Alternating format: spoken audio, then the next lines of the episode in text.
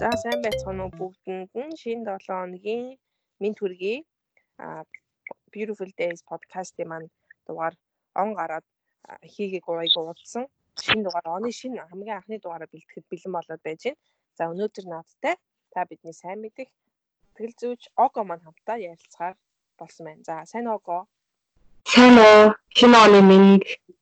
За шинэ оны мэд хойлож баг 2 сар болж баг удахгүй цагаан сарын сар шинийн мэд гэхээр болж шүү дээ. Мэд.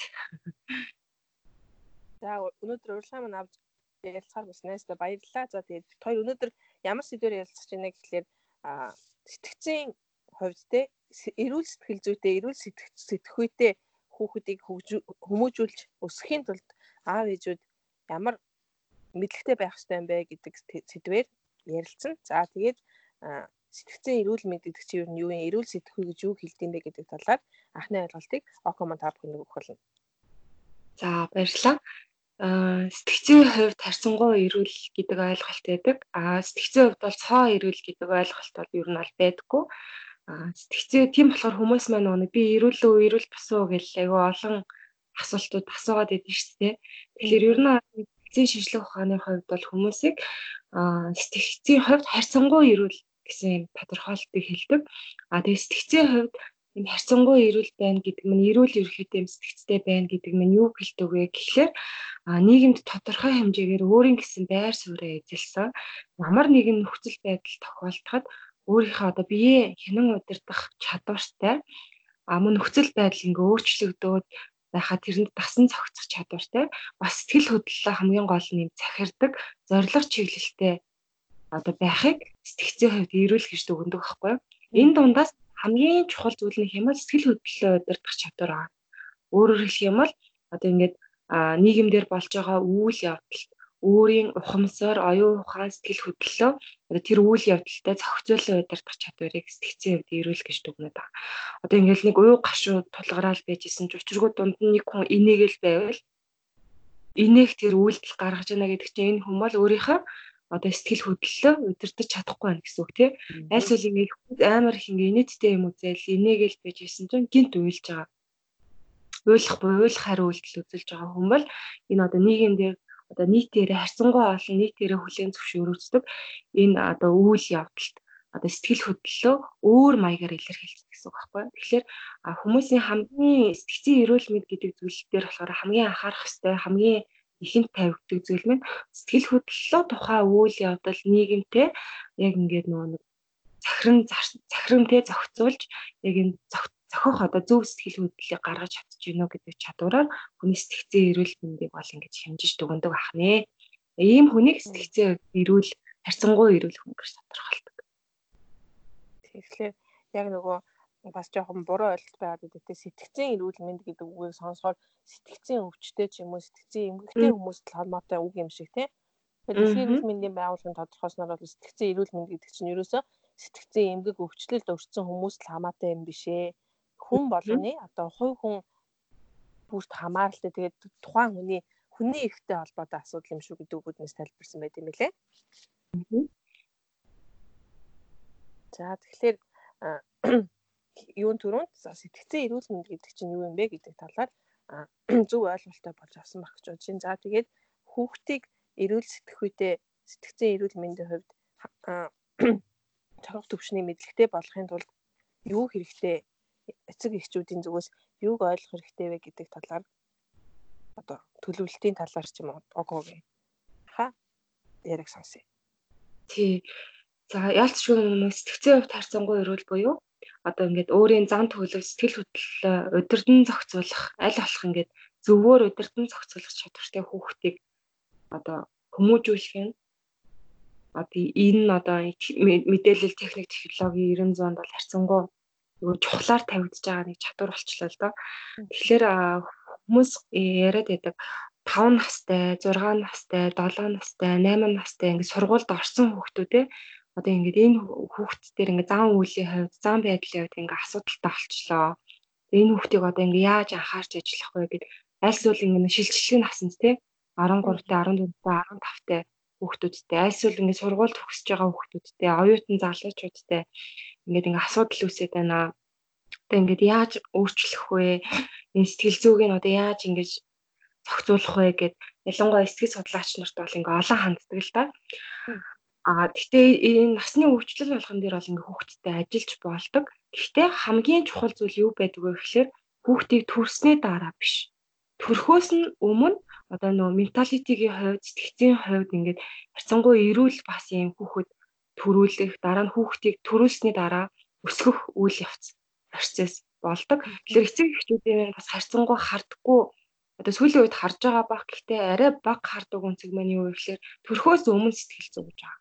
Өөрөөр хэлэх юм бол жирэмслэлтээс өмнө өмнөх үе шат гэж байгаа. Жирэмслэлтээс өмнө хүүхдээ хүүхдийг одоо ингээ эрүүл сэтгцтэй одоо ирээдүйд харьцангуй ингээд бие авч явах чадвар өндөртэй хүн төрүүлэхийн тулд эцэг эхчүүд өөрсдөөс эхлээд бэлтгэх хэрэгтэй байна.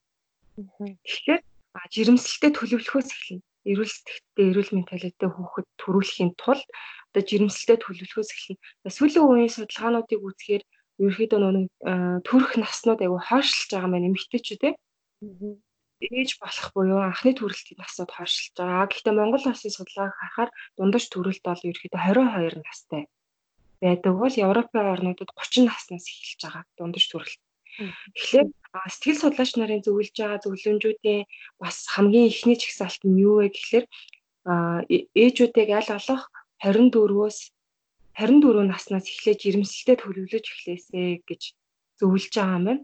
А 18-тай, 19-тай, 20 настайдаа анхны жирэмслэлтэй тэхээс илүүтэйгээр 24 наснаас эхлээд жирэмслэлтэй төлөвлөө живэнсэн болж байгаа ээжүүд эрүүл сэтгцтэй эрүүл зан үйлтэй энэ хөгжлийн хувьд ч гэсэн харьцангуй эрүүл юм хүүхдүүд төрүүлэх магадлал тэр төрүүлсэн хүүхдээ өсгөх магадлал маш их ингээд дээшлэлт юм байна л да. Тэгэхээр өөрөө ихэд ямар нэгэн байдлаар мэдлэг боловсралтай болоод А тэр мэдлэг боловсрал дээрээ тулгуурлаад хүүхэд яаж өсөх вэ? Хүүхдээ сэтгэц яаж бүрэлддэг вэ? Сэтгэл зүй яаж хөгждөг вэ гэдэг мэдээллийг хүн авч эхэлт юм. Тэгэхээр эцгийн хувьд ч гэсэн адилхан 25-аас дээшээ 24-өөс дээшээ насндаа анхны хүүхдэд төлөвлөж ингээ хүүхдтэй болох ингээ хамгийн эрүүл сэтгэл зүйн хувьд ингээ эрүүл үе байдгаа гэж тодорхойлсон байна. Тэгэхээр энэ төлөвлөснөөс ахуулаад одоо ингээ төлөвлөж хүүхдтэй болсноос ахуулаад жирэмслэлтийн үе бол маш чухал гэдэг. Өөрөөр хэлэх юм бол жирэмслэлтийн 9 сар 9 сарын хугацаанд ээж бол өөрийн сэтгэл зүй, сэтгцийн байдлаа ингэж маш хянан зохицуулж, тайван энэ жирэмслэлтийн үйл явцыг өнгөрөөх хэрэгтэй. Энэ нь бол ингээд төрсний дараах хүүхдэд бол ингээд маш чухал нөлөөтэй. Өөрөөр хэлэх юм бол хүүхдийн ухамсаргүй буюу даалт ухамсар жирэмсэлсэн үеэс эхлээд 5 нас хүртэл ерөөхдөө нэг 90% ингээд хүрэлтэйг байна гэдэг ингээд судалгаанууд гараад байна шүү дээ. Ирээдүйд ингээд ямар би хүн болох юм? Энэ хүн бол ингээд ямар хүн болох вэ гэдэг мэн жирэмсэлж байгаа тэр үеэс ахуулаад 5 нас 6 нас хүртэл одоо ингээд бүхий л одоо үйл явц нь ингээд бүрэлдэхтэй. Энийний дараа бол тэр баг нас баг насндаа авсан дурсамж, мэдрэмж, тэр одоо сэтгэл хөдлөл дээрээ тулгуурлаад дандаа ингэж заа үйлдэлтэй гаргаж эхэлдэг гэж аахгүй. Хинэ асуудаг. Тэгэхээр энэ болохоор их чухал ахны. Тэгэд яг энэ дээр тулгуурлаад бас нэг юм санаанд орлоо. Бид нар ингээд нөх хүүхдийн сэтгэл зүйн тестийн арга үтсэн гэд би өмнө нь ярьжсэн шүү дээ. Энэ чинь а одоо энэ Туркэд л те манай багш дээр 3 настай хүүхдтэй хүүхд дээрээ ингээд нөгөө нэг сэтгэл зүйн ийм асуудалтай байна гэсэн юм ээж ирсэн юм байна. Тэгсэн чинь хүүхдийн яд үгээ гэхэлэр хөгжлийн хувьд ингээд харьцангуй ирвэл одоо ингээ хүүхдээс нарийн болчин өргөн болчин одоо ингээ оюун ухааны хөгжлийн тестүүдийг аваад үтсэн чи айгу өндөр үр дүнтэй гарсан. Нормал гарсан. Аа тэгээд хүүхдтэр бол ингээд ажиглаад ярилцаад ингээ хамт зураг зураад үзэхэд ямар нэгэн байдлаар одоо ингээд сэтгцийн өөрчлөлттэй тийм үү сэтгэл зүйн ямар нэг өөр зүйл бол ажиглагдаагүй бүх юм нь эрүүл гараад. Ээжийн болохоор юм хилээд исэн юм нь юу гэхээр шүн ингээд унтж жагаад яг ингээд 3 цагийн үед гинт сэрэнгүүтээ хан нүдж эхэлсэн гинэ хүн. Тэр бол эрэгтэй хөлтэй. Тэг ингээд уйлаад ханлуу ингэж нүдээд хүн хан нүдээд идэх нүдээд идэх юм хөдөлгөөн. Унтж байгаа нүдэн бол нэгээггүй байдаг. Тэгээд ээж нь болохоор аав ээж хоёр нь хоёулаа зэрэг очоод маш их твэрж, үнсэж, аргадаж, хайрлаж одоо яг ингэж их одоо үнссний дараа л нэг хүүхэд нь сэрдэг. Тэгээс тэрчээд болохоор юу ч сандаггүй. Одоо ингэж юу ингээд болоогүй юм шиг буцаад ингээ унтаад өгдөг юм. Тэгээ энэ одоо юу болоод байна гэх. Тэг хүүхдээр нь ингээд үзээд тэгээд тухайн үеийн болохоор сэтгэл судлаач ээжийнхэн жирэмсэлтийн үед натсан юм байна. За. Гэсэн чинь ээжийнхэн жирэмсэлтийн 6 сар орчимтай үед нь аа тэр гэр бүлд халдлага болсон юм. Аа. Халдлага болоод гаднаас одоо хулгайчд орж ирээд өрөөлөө нь ингэж орох тийм юу хийсэн. Өрөө өрөөлөө нь ингээ орох гээд өрөөнд хөгчтэй тэр ингээ хаалганых нь одоо нөгөө цоожийг нь ингээд онгойлгох гэдсэн. Тэгтэл одоо тэр 6 настай жирэмсэн ээж гэртээ ингээ ганцаараа байж таарад айгүй айснаасаа болоод гинц цочролд ороод ингээ хан цохоод исэн юм байлаа. Нөгөө тусламж гуйгаад хүмүүсийг ээ гэдэг нөгөө ханлуугаа ингээл орилоод чарлаад тийм хөдөлгөөн юм. Тэгээ удалгүй ингээ цагтаа ирээд тэд нар нь болох ингээ гэрээс нь гараа явцсан ямар нэгэн тэр ихэд бол аюул заанд очроогүй. Тэгээ төр зур нэг орчинд бол ингээд цавчирсан байсан. Тэгээ тэрийгээ бол ингээд дараа нь мартсан. Одоо тэрнээс чойш төрөөд 3 гаруй жил болсон. Тэгээ мартсан. Тэр үеийн хувцаг. Гэсэн чи тэр гинхэн би нэр ингээд жирэмслэлтийнхаа 5 билүү 6 сартын үед манай гэрт одоо ингээд холгаанч дээр юм чи орж ирээд хаалга онгойлгох гээд байх үед гинт айсан дадж болоод нөх хөвшөөсөө ч юм уу тий одоо энээсээ чи тусламж гуйгаад ингээд яг ийм хөдөлгөөнөөр хийдсэн юм гэж. Тэгэхээр тэр нь болохоор хүүхдэд нь ингээд дамжаад одоо тэр хүүхдэд нь ирээдүйд нь ингэж гаргаж байгаа сөрөг сэтгэлтэй сөрөг зан үйлтэй гэж нөлөөлсөн байгаа байхгүй. Тэгэхээр энэ нь одоо ингээд маш чухал гэдэг. Жирэмслэлтийн үе бол одоо ингээд жирэмсэн учраас одоо ингээд хүүхдэд ингээд эрүүл хоол идэл ингээд э, эрүүл мэндэд анхаарах нь чухал гэдэг боловч тэрнээс илүү сэтгэц буюу тайван байдал хадгалах нь чухал гэдэг. Тэгэхээр 18, 19-тэй 20-тай илүү тийм залуудаа жирэмсэлж байгаа хүмүүс болохоор ингээ бие хүний онцлогоо төдийлөн ингэж ойлгож ухамсарлаагүй байдгийн улмаас одоо сэтгэл зүйн ямар нэгэн хөөрөл ингээ сатлын олон процесс орд юм байна л да. Аа. Тийм болохоор тэр дамж тэр өөрөө илүүтэй одоо хүүхдийн ирээдүйд төрөх сэтгцэн эрүүл мэндэд бол тэр нэг нөлөөлж идэг. Тэгэхээр одоо сэтгэл судлаач нарын өгөөд байгаа зөвлөмж нь 24 25 наснда эхний хүүхдэд төрөөлөл одоо их сайн байдгаа гээд аваад өөрийнхөө одоо сэтгэл зан үйлийг ойлгох зүйдээ илүү хөвгттэй болгоч гээд байгаа нь л энэ зөвлөмжл юм л да. Бас нөгөө олон судалгаануудаас хараад хахад тий янз бүрийн судалгаанаас харахад эцэг эхийн өөрсдийнх нь эрүүл мэндийн байдал нь маш хүүхдийн эрүүл мэндийн одоо сэтгцэн эрүүл мэндэд чухал нөлөө үзүүлдэг гэдгийг бол аюу гой дэлгэрэнгүй тайлбарлаж өглөө гэж бодож байна. Тэгээд одоо жишээлбэл эцэг их нь хоёулаа сэтгцэн эрүүл мэндийн хувьд жоохон асуудалтай ч үгүй юм. Тэгэх юм бол тэр нь хүүхдэд бүр 100% сөрөг нөлөө үзүүлдэг тийм. Тийм. Нэг нь одоо жишээлбэл за аав ээжийнх нь аль нэг нь сэтгцэн хувь жоохон асуудалтай юу гэдэг тийм доголдолтой ч байд юм уу? Стресс ихтэй ч байд юм уу? Стресс ихтэй гэдэг чинь өөртөө өөрөө энэ одоо менталитэй холбоотой тийм тэгэхээр ээж аавынх нь асар хамгаалагч аль нэг нь хичнээн эрүүл цохих хэмжээний эрүүл төвшөнд байгаа ч гэсэн нөгөө хүн нь хамтран амьдарч их чинь тийм одоо сэтгцэн хувьд эрүүл бус харилцаатай ч байт юм. Тийм байх юм бол наа хамгийн наад зах нь хасууд хоорондын харилцаанд асуудал үүсэн. Тэр нь тэгээд үргэлжлээд хүүхдэд нөлөөлж байгаа. Тэ? Их мэдчлэн байж байгаа. За яа нарийн дунд басалчлаа ажиллаа. За. Зүгээр яг үнэ.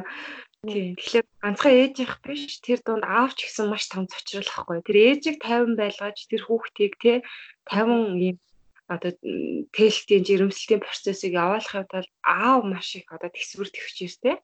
А янз одоо энэ нөгөө нэг архаг буу зочрол үзүүлэхгүй байх хэрэгтэй. За энэ дээр бас нэг жишээ хэлчих үү. Энэ нөө жишээ хэлэхээр хүмүүс бас их ойлгодог болохоор Тэгээ бас нөгөө нэг одоо яг юм тохиолдсон бас жишээ юм л да 16 настай хүү эрэгтэй хүүхэд амиа хорлох хорлох хийдэг. Аа за гинт ингээ зүгээр байж байгаа асар хүн сэтгэл готролд ороод ингээ амиа хорлох хорлох хийгээд тэгээд хүү болохоор юу вэ гэхээр ээжтэйгээ хоёул амьдардаг. Ерөөхдөө аав байхгүй гэсэн үг байхгүй. Аа аав нь бол ингээ хамт амьдраагүй аа тэгээд э, маш амжилттай хичээл дээрээ маш амжилттай. Хүмүүстэй ингээд нөгөө нэг харилцааны чадвар сайтай. Тэгээд багш нарын тодорхойлолт найз нөхдийн тодорхойлолт сайтай. Ээжийнхээ үгэнд сайн ордог сайн хүү А гэхдээ ягаад ч юм үйлдэл гаргацдаг заримдаа. Тэгээд сэтгцэн эмчтэр очиод сэтгцэн эмч одоо ингэ сэтгэц засалж юмж болохоор ингээд үзээд маш олон тест ингээд одоо чи шалтгааныг олох гэдэг шүү дээ. Яагаад одоо ийм улигт зан үйл гараад байна гэж шалтгааныг олох гэдэг. Үзээд нэг чинь төрснээ дараах хөгжлийн процесс энэ бол хамааралтай биш байж л дээ. Өөрөөр нэг наснаас ахуулаад одоо ингээд 0 сараас ахуулаад тий 16 нас хүртэлх энэ процесстэй нэг холбоотой биш гэсэн. А гэтэл ээжтэй нэг ингээ ярилцаад одоо төрхийн өмнөх жирэмслэлтэй сэтгэл зүйтэй надад хэлсэн чинь жирэмсэн болоод одоо ингээд найзалж ясан найз залуу нь хамт амьдрахгүй гэдэг хэлсэн юм байна. Ээжт нь. Тэгээд одоо ингээ хүүхдээ ингээд ахуулах санал тавьсан юм байна. За. Тэгээд э, жирэмслэлтийн 16 дахь 7 хоног буюу ингээ харьцангуй бас томорцсон. Яг үед нь тэр эмэгтэй бол ингээд хүүхдээ ахуулах шийдвэр гаргаад эмнэлэгт очиж исэн байна. Өөрөөр хэлэх юм бол одоо жирэмслэлээ тасан таслан зогсоох гээд эмнэлэгт очиж исэн. А тэгээ бүр ингээд яг ингээд ахуулах гад гихтж байхдаа гинт шийдвэрээ өөрчлөд байлсаа болоод ингээ хүүхдэд төрүүлээд ганц биеэж болсон гэдэг юм. А тэгтэл яг энэ 7 хоногийн мөчлөг буюу 16 насн дээрээ тэр хүүхэд ингээ амиа хорлох орлоо. Тэр нь юу вэ гэхээр одоо энэ жирэмсэн байх уу юу? Одоо гидсэндээ байх, ураг байх явцдаа авсан цочрлоос болоод энэ нь одоо ингээд нэлэгт бодолт нөлөөлнө гэдэг одоо ингээ он шиг сэтгцэлж имж тавиад тэгээд ингээ хүүхдийг ол ингээд энэ уйлагт те тэр чинь мэдээч хэрэг тэр хүүхэд ухамсартай биш санахгүй байгаа тэрийг. Гэхдээ энэ бол цочрол тэр хүүхдэд байгаад гэсэн учраас энийг ингээ мартуулах тийм имчилгээ хийж эхэлсэн тахна. Тэгэхээр энэ дээрээс ахуулаад одоо ингээд сонсож байгаа хүмүүс минь жирэмсэн болно гэдэг бол тоглоом биш ээ. Ялангуяа өнөө үед бол ингээ хүүхэд өсгөн гэдэг бол асар том хариуцлага болсон. А гэтэл тэр чинь одоо давхар хүний эрхийн асуудал явж байгаа хүүхэд гэдэг. Давхар нэг хүн одоо бүтээж бий болгохын тулд жирэмслэлтийн процесс жирэмсэн болохоос өмнө төлөвлөх буюу зүгээр нэг явж байгаа хүүхэдтэй болохоос бол огт байхгүй. Тэгэхээр энэ дээр маш их анхаарч давхар нэг хүн бүтээж байгаа гэдгээ сайн бодох хэрэгтэй. За энэ эрүүл жирэмслэлтийн дараагаас эхлээд төрсний дараах сэтгэл зүй ярьж эхлэн тий. Тэгээ энийг ингээд дахин дахин хэлмээр л санагдаад байна л да. Тийм тэгэхээр нөгөө нэг за хүүхдээ тэг хэрхэн эрүүл сэтгхүйтэй болох юм бэ? Mentally health free хүүхд байлгая гэд айгүй их ингээд нөгөө нэг пэйж дээр маань бас тийм асуулт саналууд ирсэн байхгүй. Тэгээ за энэ сэдвээр бас хийж үзээд хүмүүстэй мэдээлэл өгөх хэрэгтэй байна гэж бодсон. Тэгэхээр хүмүүсийн нөгөө ингээ ойлгож байгаагаар за хүүхдээ бага наснд нь за жирэмсэн тээж явж явах хугацаанд биш ухаан ороод тий за юу гэдэг шилжилтийн насанд ордог ч юм уу тэр үеэс нь эхлээл хүүхдтэй одоо сэтгэл зүйн хувьд анхаарах хэрэгтэй юм шиг байна. Тэрний тулд би юу хийх ёстой вэ гэж хүмүүс бодоод идэг юм шиг байна. Тэгэхээр тийм бишээ бүр анханасаа энэ хүүхдийг бид миний хүүхд гэж бодож тий гэр бүлийн төлөвлөлт гэдэг хугацаанаас ахуулаад энийг анзаарах хэрэгтэй юм үү гэдэг бас айгүй чухал санаа хөндөж өглөө гэж бодож байна. За хүмүүс бас энийг тусгаж аваад анхаарасай гэж бодож байна. За.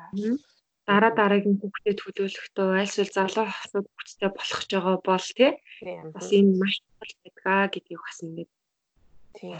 Би өөрөө үнд бэлнэ үү гэдгээ бас заримдаа нөгөө нэг мэдэхгүйгээр те хүүхдтэй болчихдог ч юм уу эсвэл тэгээд одоо яг саяны жишээнд галаа штэ те нөгөө хамтарсан над энэ хүүхдийг өсгөж өсгөлцөх хүн надад байхгүй гэж бодоод хүүхдээ ахуулах гэж хагаад тэр нь хүүхэд нь ингээд траума болоод ухамсаргүй төвшөнд хүрсэн мэн гэдэгтэй адилхан. Тийм хүмүүсийн өөртөө нэг их тоохгүй өнгөрчдөг ч юм уу тэр стрессүүд нь янз бүрийн шархууд нь хүүхдэд нь бас ингээд нөлөөлж идэм байх шүү гэдэг имийг ойлгож авах нь бас хэрэгтэй.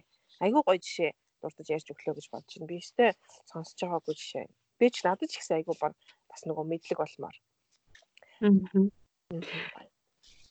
За одоо тэгвэл ингээд жирэмслэлт их чухлаа гэж ярьсан юм чинь одоо төрснөө дараах үйл явцыг ярих уу? За тэгээ. За төрсний дараа бол ингээд бас адилхан төрсний дараа 5 6 нас хүртэл ер нь ингээд за 10-аад нас хүртэл ер нь бол хүүхдийн бас адилхан далд тохомсор бүрэлдэжийдэг. Адилхан одоо нөгөө гадна орчны эцэг эхийн тавьж байгаа халамж анхаарал тэр цочроолуудыг өргөлж бие махбод дээр мэдэрч идэг. За төрсний дараагаас ахуулаад ингээд хүний хөгжлүүд явагдаж эхэлдэг. За дийлэн ходоо сэтгэл судлаач энэ эрдэмтэд бол ингээд төрсний дараагаас ахуулаад насны үечлэлээр хувь хүний хөгжлийг ингээд тодорхойлсон ангиллуудыг гаргасан байдаг л та. манай сонсогчид бол сүүлийн үед ихтэй хүмүүс аягүй аягүй сэтгэл судлалын мэдлэгтэй болсон. Яалтчгүй нөгөө нэг эцэг их болохын тулд одоо энэ хүүхэд гэж юу юм, хүний хөгжил гэж юу юм, хүүхдийн насны өвчлөл гэж юу юм гэдэг аягүй хардаг болсон тий. Тэгэхээр ингээ баг сагаар ч гэсэн уншдаг байгаа байх.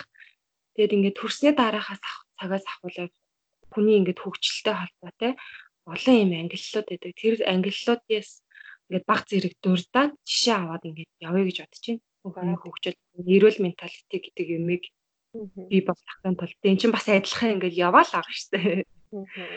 А эр э, надад бол аюух таалагддаг ангиллуудын нэг нь бол Эрик Эриксны англи гэдэг. Би хүний хөгжлийг бол ингээд а төрснөөс ахуулаад ерөөдөө насын эцэслэх хүртэлх би хүнийг 8 үе шатнд таваагаад хөгжил тос бүрийг нь ингээд ангилсан байдаг байхгүй. За гэтээ Эрик Эриксны болохоор нэг а тэр онлоо баримтлсан чухал зүйл нь юу байдаг вэ гэхээр хүүхдийн хөгжил буюу энэ хувь хүний хөгжил хүрээлэн буй орчин эцэг их сургууль найз нөхөдийн орчин бол бас энэ хүний хөгжилд бол маш их том үүргийг гүйцэтгэдэг.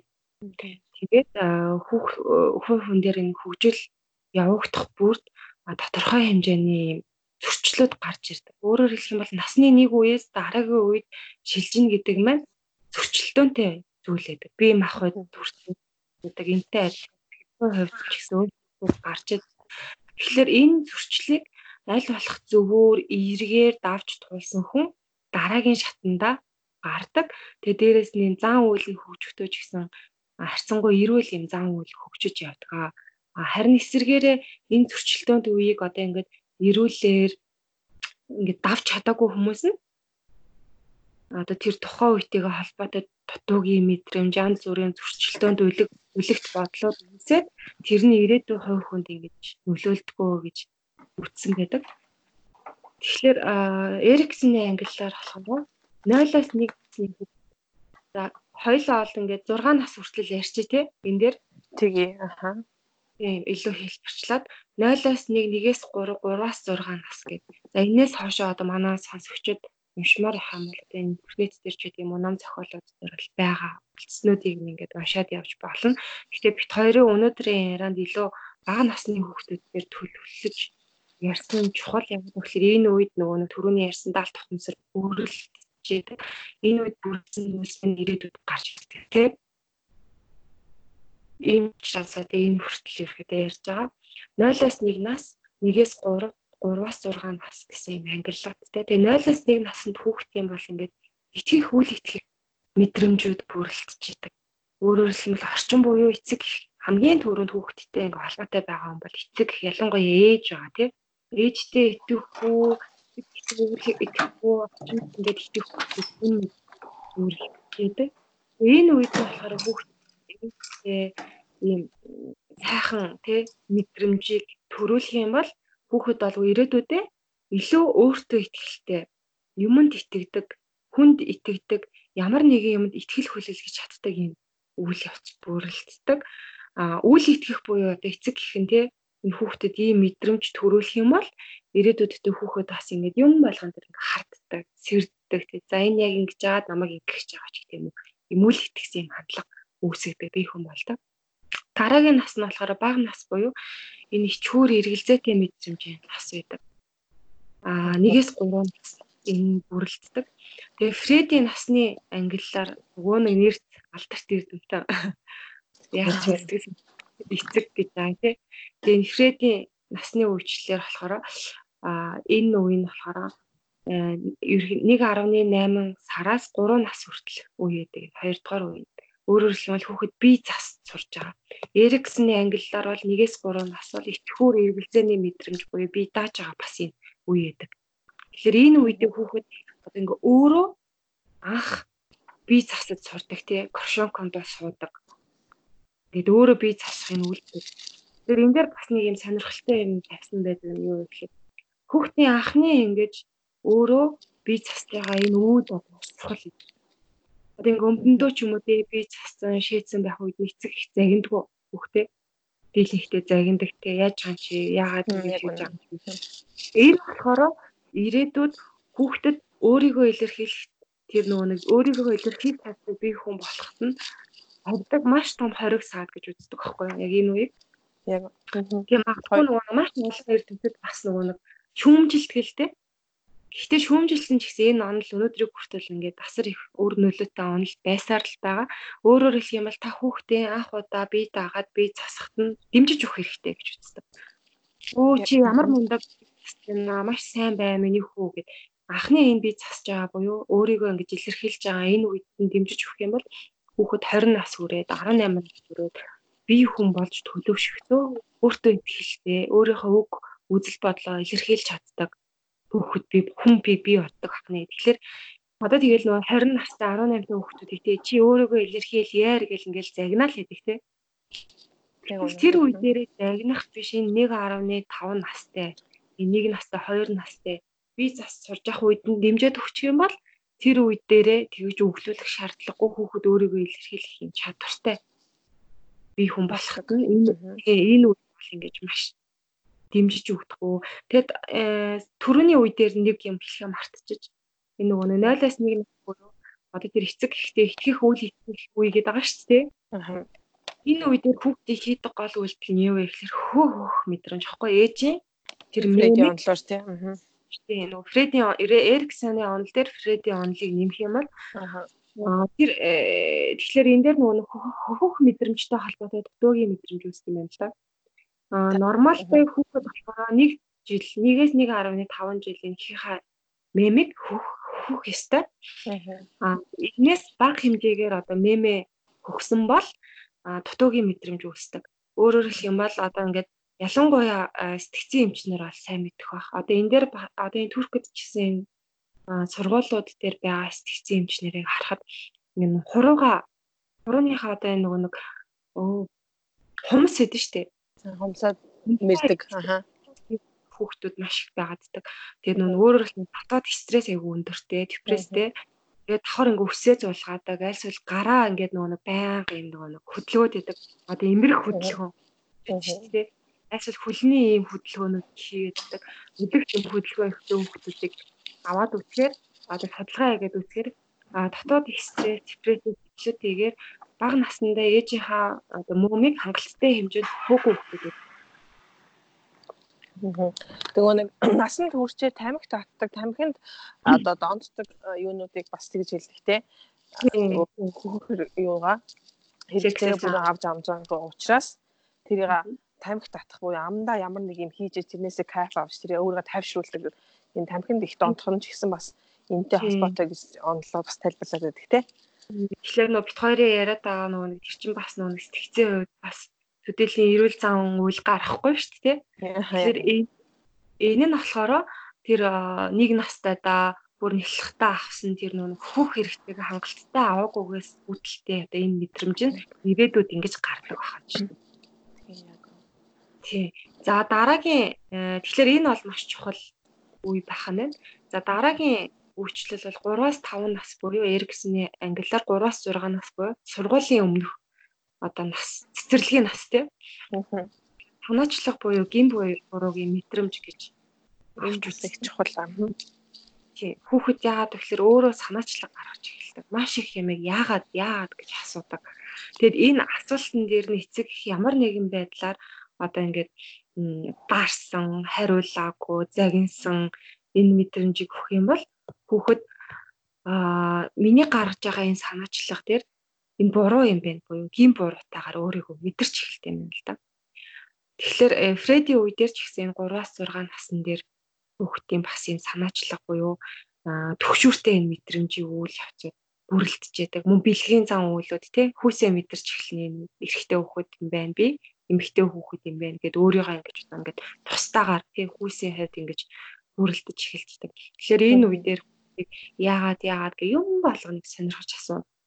Ялангуяа 5 наснда 4 наснда аа тэгэхэд бол эцэг ихийн буцаагаад хариу үйлдэл одоо маш олон удаагаар асууж байгаа ч гэсэн эцэг эцэг ихэд ч гэсэн энэ хариулахад одоо их бэрхшээлтэй тийм үе байдаг аа. Тий байдаг ч гэсэн энийг бол ингээд маш эцэг эхчүүд өөртөө бэрхшээлтэй байсан ч гэсэн хүүхдийнхаа төлөө давах хэвээр аль болох ингээ юмыг тайлбарлаж өгөх хэрэгтэй.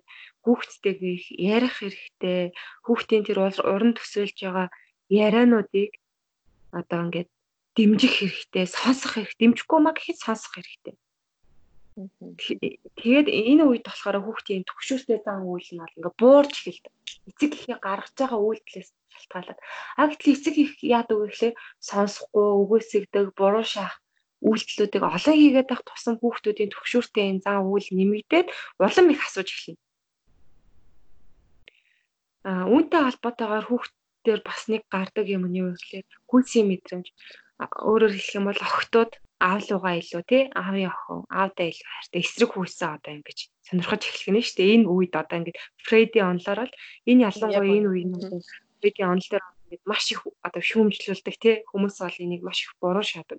А гэхдээ тэгээ яг үнэхээр амьдрал дээр харагддаг. Тэгээд яваад байгаа байхгүй. Тэгээ энийг яваад байгаа энэ зүйлийг олон сэтгэл судлаач нар олон сэтгцэн эмчнэр өнөө хүртэл олон туршилтууд хийгээд баталсаар байгаа. Тэгээд охтууд бол ингээ автаа татагддаг. Аа эрэгтэй хүмүүс бол илүү ээжигээ хамгаалж тий? Илүү ээжлүүгээ ингэж татагддаг үед эхэлдэг. Тэгэхээр энэ үед нь болохоор бас энэ хүүхэдтэй одоо ингээд их сайн юм нөгөө зөв мэдрэмжийг одоо ингээд гаргаж байгаа тэр ууралж байгаа төгшүүртэй зан үйлийг нь ингээ зөв тайлбарлаж зөв ингэж харилцах нь бол эцэг эхээс гарч байгаа бас их чухал байдаг. Тийм болохоор хит их залуудаа биш а бас хит их хөгшөрчүүд биш аль болохоор энэ 24 25 наснда хүүхдээ болох нь ерөөхдөө ингээд хамгийн зөв юм байна. Хамгийн зөв нь ч яг арай илүү зөв юм байна гэдэг. Тэгээ ерөөхдөө одоо ингээд Энэний дараа ингээд маш олон үе шатууд байгаа л да нөгөө эцэг эхчүүдийн маш сайн мэддэг. Одоо ингээд нөгөө шилжилтийн насан сахуулаад энийг цаашаа ингээд явна. Тэгээд илүү их одоо хүмүүс нас өөрсдөө дэлгэрүүлж уншаасаа гэж хүсэж байна.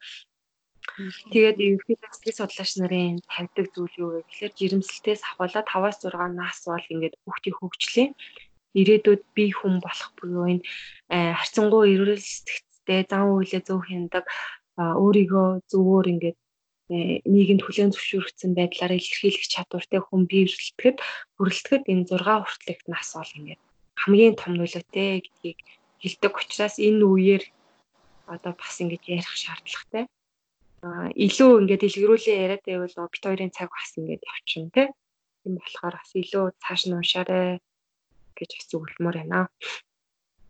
Тийм энэ дээр сая чиний хэлсэн бие хүн гэдэг ойлголт дээр бас нэмээд хэлчихье гэж би бодлоо. Тэгэхээр нөгөө нэг хувь хүн бие хүн гэж бид яриад байдаг. Тэгээд бие хүн хувь хүн гэдэг чинь юугээрээ өөр юм бэ гэдгийг бас хүмүүс мэддэг байх хэрэгтэй ах гэж бодож байна. Хувь хүн гэдэг бол бидний одоо тийм энэ бие махбодын хувьд бид нар нэг хүн оршиж байгаа гэдэг үгээр бид нар хувь хүн болж байгаа. А бие хүн гэдэг нь болохоор нийгэмдийн оролцоотой энэ нийгэм гэдэг бидний амьдарч байгаа салшгүй хэсэгтээ хэрхэн би энэ хувь хүнээ өөрийгөө холбох юм биендээ хэрхэн дасан зогцох юм бэ гэдэгтэй холбоотой үүсэж байгаа сэтгэл зүйн байдлаас нь авч үзээд би хүн гэж нэрлээд өгдөг. Тийм учраас би хүн гэдэг үгийг бол сэтгэл судлалд маш их хэрэгэлдэг тийм. Хувь хүн гэдгээсээ илүү. Тийм лээ. Тэгээ ерөөдөө бол яг окогийн маань саяны хийстэй ингээд энэ хүнд ингээд дүгнэх юм бол сэтгцийн хувьд эрүүл хөгжүүлэх өсгөх гэдэг бол ерөөсөө бүхэл амьдралын эрг эргэсний одоо нийгмийн онлынх нь хувьд ауднээс авч үзэхтэй адилхан бүхэл амьдралын турш үргэлжилт юм аа. Гэхдээ бүхэл амьдрал гэдэг нь юу хэлээд байгаа гэхээр хүүхэд гарт төрөөд гарч ирсэн үе биш. Хүүхэд гидсэндээ бүрлдээд ураг болсон тэр үеэс нь бүхэл амьдралын турш үргэлждэг үйл явц юм шүү гэдгийг ойлгох хэрэгтэй гэдэг бол э, одоо сая ярьсан бүх юуны хамгийн гол түлхүүр нь болж өгч ин гэж би ойлгож байна л да ажинс. Тийм тийм энэ дээрээс толгуур одоо эцэг эхчүүдэд бас зөвлөмжүүд аягүй хэрэгтэй байдаг тийм энэ талаар бас ярих. За тэгье. За тэгэхээр айгүй олон янзын зөвлөгөө зөвлөмжүүд байгаа хүмүүс бас өөрсдөө нэтээс ухаад гадсан ч гаргаад ирдэг тийм тэгэхээр энэ дотроос одоо энэ энийг нь бит хоёр хэлчихье гэж бодсон хэд хэдэн санаанууд байд. За тэрийг явчих гэж байна. За түрүү Окогийн маань яриан дээр бол маш их гарсан ихтгэлцэл үүсэх хэрэгтэй гэдэг тийм сая яг эсрэг хүүсний ээж аавдаа татагддаг хүүхдүүдийн үеийн яриан дээр ч гэсэн гарч ижсэнтэй адилхан хүүхдүүд эцэг эхээсээ харилцаанаас эрүүл мэдрэмж авах хэрэгтэй, аюулгүй мэдрэмж авах хэрэгтэй гэдэг бол хамгийн чухал зүйл. За өөрөөр хэлэх юм бол юу гэсэн үг гэхээр хүүхдүүд аав ээжтэйгээ холбогдох харилцаанаас айцгүй мэдрэмж авна. Тэрний тулд итгэлцэл гэдэг юм хэрэгтэй тийм. Тэнгүүд аав ээж нь одоо ямар ч харилцаан дээр хүүхдтэй одоо жишээлбэл аав ээжүүд одоо хагасаа өдөр хідүүлээ сайхан кино үзье гэр бүлэрээ тий. За гаалханд гарыг бассейн руу чамааг авч явна гэдэг ч юм уу 100 болохоор хэдүүлээ тийшээ агаарт гарна шиг гэж хэлчихэд амралтаа биелүүлэхгүй байдаг ч юм уу тийм ээ эсвэл хэрэг одоо хоосон амлалт өгдөг худлаа ярьдаг гэх мэтчлэн эдгээр зүйлс нь хүүхдүүдэд баг баг хэмжээгээр эцэг ихтэй итгэх итгэлийн багасгаж идэг. Тэгэхээр хүүхдээ нөгөө бие махбодын хувьд одоо хүүхд хүн болгоны хэрэгцээ нэг зүйлс шүү дээ хооллох хэрэгцээ байдаг, хувцаслах хэрэгцээ байдаг ч гэдэм үү. Тэр хэрэгцээнүүдийг хангацсан л бол энэ бол окей болчлоо хүүхд минь надад итгэнэ гэж хүмүүс боддог юм байна л да бас. За бүгд мэдээж биш. А гэхдээ тийм бодол хүмүүс байдаг. А ийм биш ээ. Хэрэгцээтэй зүйлийг бие махбодын хувьд хувь хүнийх нь хөвд хэрэгтэй юмыг өгөхөөс гадна бие хүнийх нь хувьд хөгжүүлэхийн тулд бид нэр өөртөө хүүхд чинь яг танд итгэх энэ тулд худлаа ярьдггүй байх хэрэгтэй. Хамгийн гол нь амлалтаа биелүүлдэг болох байхын байх юм бол хүүхд хоёрын хувьд ихтгэлцэл үйлснэ гэдэг юм юм байна. За тэгээд түрүүн бас хэлсэн Око маань хэлсэн сэтгцийн хувьд ээж аваад өөртөө эрүүл байх хэрэгтэй гэж. За тэгээд энэ ч бас нэг гарч байгаа асуудал гэдэг түрүүнийх одоо яг сая бас Окогийн хэлсэн асуудал дээр одоо Эдипсийн синдром гэдэгт те эмэгтэй эрэгтэй хүүхэд ээжтэй татдаг, эмэгтэй хүүхэд аавтай татдаг энэ үед нь бас айдас үл ер нь хамгийн анхны айдас шүү дээ те бидний амьдралаа мэдэрч байгаа тэр айцыг нь аюулгүй даван туулахад нь туслах хэрэгтэй аав ээжүүд. Жишээлбэл охин хүүхэд аавдаа ингээд илүү татаад ээжээсээ аавгаа хармалдаг ч юм уу. Тийм үед наа чин буруу штэ гэж загинж болохгүй. Тэрийг эвтэйхэн нэр тий ойлгуулах хэрэгтэй. Энэ бол чиний аав чи жоохон хүүхдүүд нөгөө нэг би том болоод аавтайгаа гэрлэн гэж ярьдаг те жоохон хүүхдүүд тэр нь буруу тэгж болохгүй штэ гэж загинах биш. Миний охин үгүй гэдэг юм а чом болоод чи чамд одоо дахиад яг чамтай хэцүүч байд юм чинь аав чинь бол чиний аав учраас чамтай гэрлэгч болохгүй чамтай сурахгүй шүү гэдэг ч юм уу те айгүй эвтэйхэн хүүхдэд айц төрүүлэхгүйгээр эвтэйхэн тайлбарлах хэрэгтэй. өгöd болохгүй те хамгийн гол Тэгэл үргэлж болохгүй. Тийм тэрийг бас нөгөө нэг зарим аав ээжүүд айгүй хүн дээр хүлээж аваад манай хүүхд ингээд энэ одоо юм байж болтго юм болооч гэдэг юм уу тийг сандардаг бас тохиолдол байдаг гэж уншиж исэн. Тэгэхээр тэрэн дээр бол айц сандралгүйгээр хүүхдтэй тэрийг айц гэдэг мэдрэмж төрүүлэхгүйгээр эвтэйхэн энэ бол зүгээр нэг тийм хүний хөгжлийн үйл явцны хэлбэр учраас тэрийг ингээд эвтэйхэн хүүхдэд ойлгуулах хэрэгтэй гэж байна. За тэгээд тэнгууд энээс гадна цаашдаа ингээд бидний амьдралын дунд маш олон төрлийн айдсууд гарч ирнэ те. Одоо шил сургуульд орлоо гэж бодоход хүүхдүүд шинэ орчинд ороод айдас стресс мэдэрнэ тэнцээс айдагч гэдэг юм багшаас айх ч гэдэг юм. Янз бүрийн айдас айдасын тавгүй мэдрэмжүүдтэй тулгархад нь тэрийг хүчээр зүгтаалгах ч юм уу эсвэл одоо хүчээр тэр айцтаа нүүр тулахыг шаардах гэдгээс илүү тэр айцаасаа зүгтахын тулд яаж тэр тухгүй байдлаасаа энэ тухгүй мэдрэмжүүдэд зохицуулахын тулд яаж үүнийг шийдвэрлэхээ гэдэг арга замын зааж өгөх хэрэгтэй. Жишээлбэл одоо бодиттой юм. Гэхэд одоо жишээлбэл харанхугаас айдаг хүүхдүүд хүүхдүүд жоохон бахта ерөөхдөө харанхугаас айдаг шүү дээ тий. Харанхуй өрөөнд унтахаас айдаг. Аав ээжээсээ тустай өрөөнд унтахаас айдаг ч тийм тохиолдолд шууд харанхуй өрөөнд чи унтах хэрэгтэй чи бит хоёроос тустай унтах хэрэгтэй гэж тусгаатлах биш тий. Баг багаар хүүхдэд дасгах а за тустай өрөөнд унтуулсан гэсэн гэрэлтэй унтуулдаг ч юм уу тий. За гэрлийн даг багаар хасаад баг багаар тэр хүүхдэд шинэ орчиндөө шинэ зүйлтэй дасан зохицох тэр чадвар боломжуудыг олгож өгч явах хэрэгтэй. Тэгэхээр өөрөөр хэлбэл хүүхдийн биднэрт комфорт зон тийм тухтай бүс байх хэрэгтэй. А гэхдээ амьдрал тэр чигээрээ тухтай бүс байдгүй юм шүү гэдгийг хүүхдтэй ойлгуулах замаар оролдох хэрэгтэй гэсэн нэг юм санаа байна. За тэгээд тэрнээс гадна бид нар нөгөө одоо айгүй олон аав ээжүүдээр ажиглагддаг тэр тусмаа ээжүүд хүүдээ нэг тэгж яагаад гэдэг чтэй нөгөө нэг алдаа гарах боломжийг хаадаг. За энэ дээр алдчихвээ энэ дээр болохгүй болчихвол гэл хүчээр хүүхдтэйгээ алдаа гарахаас нь зайлсхийлэгдэг тий одоо хүүхд жоохон бага насны хүүхд гүүгээл нөгөө гудамжинд гүүж ахт нь унчин штэ чийс гэдэг юм уу тий тэгэхгүйгээр тэр болгонд алдах боломжийг хүүхдүүдэд олгож авах хэрэгтэй гэж гэж байгаа. Тэгэхээр нэг удаа хүүхд алдаж болно тий. Бүр бага насны хүүхд бол за бүдэрч яажхаас хоолоо. За 10 жилд орсон хүүхдүүд нөгөө хичээл дээрээ ундаг ч юм уу шалгалтын дээр муу адуун авч үздэг ч юм уу тэр болгоноос нь зайлсхийх арга зам биш нэг удаа алдаж үзэг. А гэхдээ амьдрал чинь бол алдаан дээр алдаан дээрээс бид нэр суралцдаг. А тэгээд нэг удаа алдсан бол дахиад яаж энэ алдаа гаргахгүй байх вэ гэдэг замаас нь хүүхдэд тусламж сэтгэл зүйн дэм өгж явах хэрэгтэй гэдэг ийм санаа байна. За тэгээд нөгөө нэг одоо жишээлбэл Яг саяны тэр дүүмэн дээр хэлсэн шиг одоо хүүхэд нэг удаа хүн чинь бас дандаа ундаг байхгүй дандаа дардан байхгүй нэг жижигхэн алдаа гаргахт нь тэр болгонд зэмлээд байх юм бол хүүхэд эргээд тэрнээс айц мэдэрдэг болно. Алдаа гаргах гэж болохгүй гэдэг тийм мэдрэмжтэй болно. Дээрэс нь хэрэнхээр алдаа гаргахгүй мундаг яваад байлаа гэхэд хизээ нэгэн цагт амьдралд янз бүрийн одоо бүдрэх асуудал гарч ирнэ. Тэрэн дээр сэтгэл зүйн тэнхээгүй болж тий сэтгэлийн тэнхээгүй тийм нэг тэрийг нэг алдсан алдаа алдааны одоо юу гэдэг лээ юмыг алдсан тэр айцтай тулгарх мэдрэмжийг мэдрэхгүй яваад тахлаар эргээд сэтгэл зүйн хувьд бас сул дорой болох хандлагатай байдгаа гэсэн юм санаа байна. За тэгээд дээрэс нь эцэг эхчүүд бас нөгөө хүүхдийнхаа ямар шийдвэр гаргах хэсэг дээр нь бүх юм дээр нь ингээд заавар өгөөд идэг чи ингэх ёстой чи тийх ёстой гэдэг.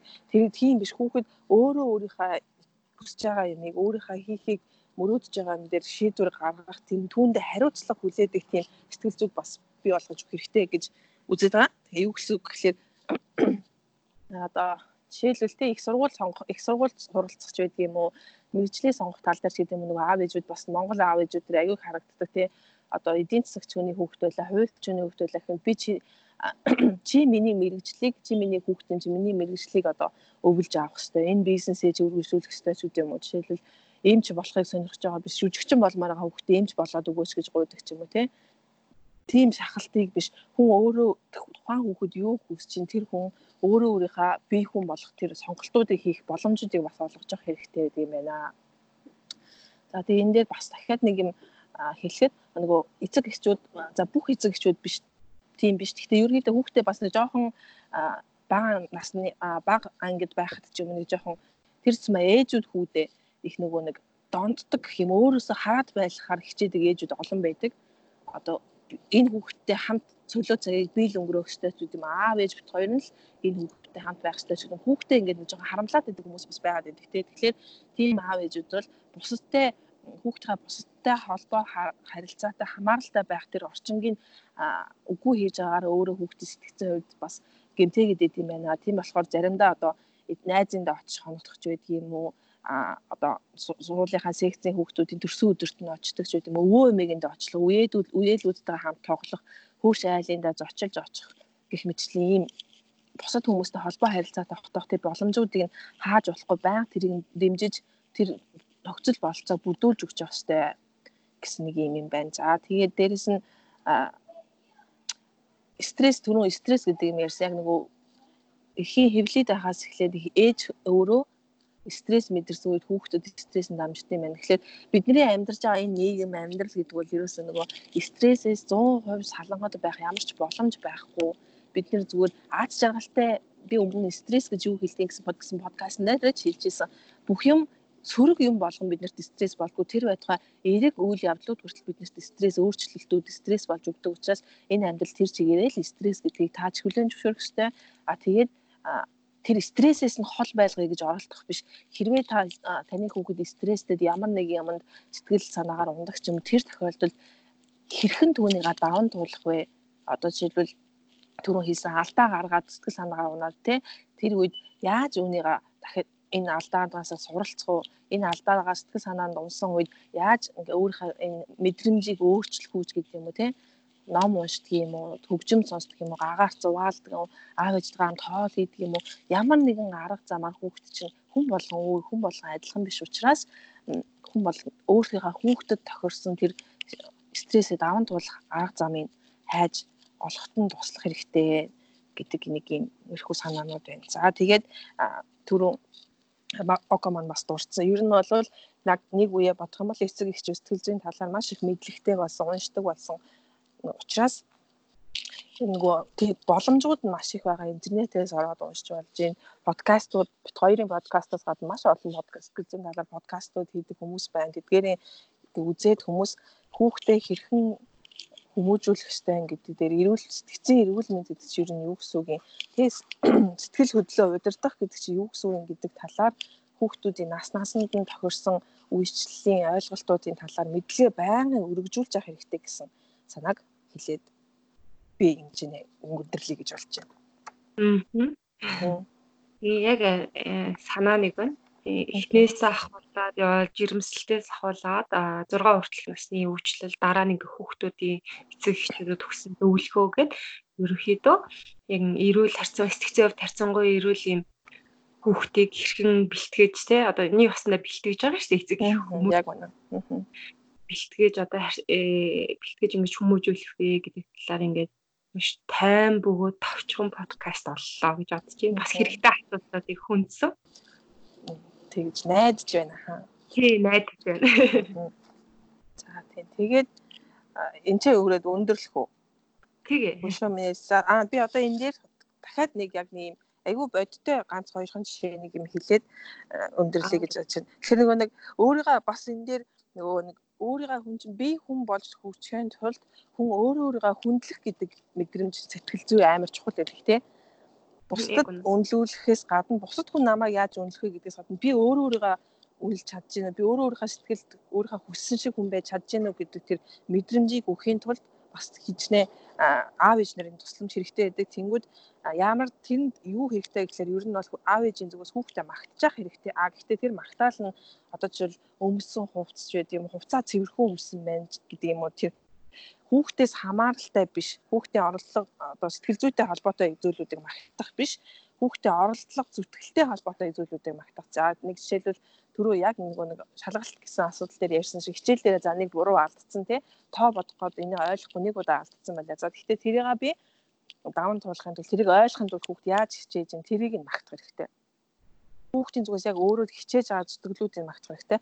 За тэгээд бас нөгөө хүүхдүүд чинь өөрийнхөө тухай юу гэж өөрөө өөрийгөө юу гэж үнэлж чинь өөрийгөө юу гэж ойлгож чинь гэдэг дээр амар анхаарах хэрэгтэй байдаг юм л дээ. Өөрөөр юу гэсэн гэхэл хүүхдүүд нөгөө би амар муу хүүхэд би ерөөсөө л тоондоо муу юм байна. Би ерөөсөө л бүтэхгүй маань гэдэг юм өөрийнхөө талаар тийм сөрөг сэтгэлдээ байх нь бол бас сэтгэл зүйн хувьд буруу үзэгдэл шүү дээ. Тэгэхээр аав ээжүүд эрэнд нь? Яаж хариулт үзүүлэх ёстой гэвэл үгүй чи муу хүүхэд биш ээ. Миний ах миний хүү сайн штэ миний хүү чи мундаг гэдэг ах биш. Яагаад чи өөрийгөө тэгж бодож байгаа гэдгийг ярилцдаг байх хэрэгтэй. Тэгээд яагаад ингэж бодож чинь за зөвхөн чи муу хүүхэд гэж бодож байгаа. Чи математиктэй өөрийгөө муу гэж бодож байвал сайжрахын тулд би юу хийх вэ хоёулаа гэдэг ч юм уу тий?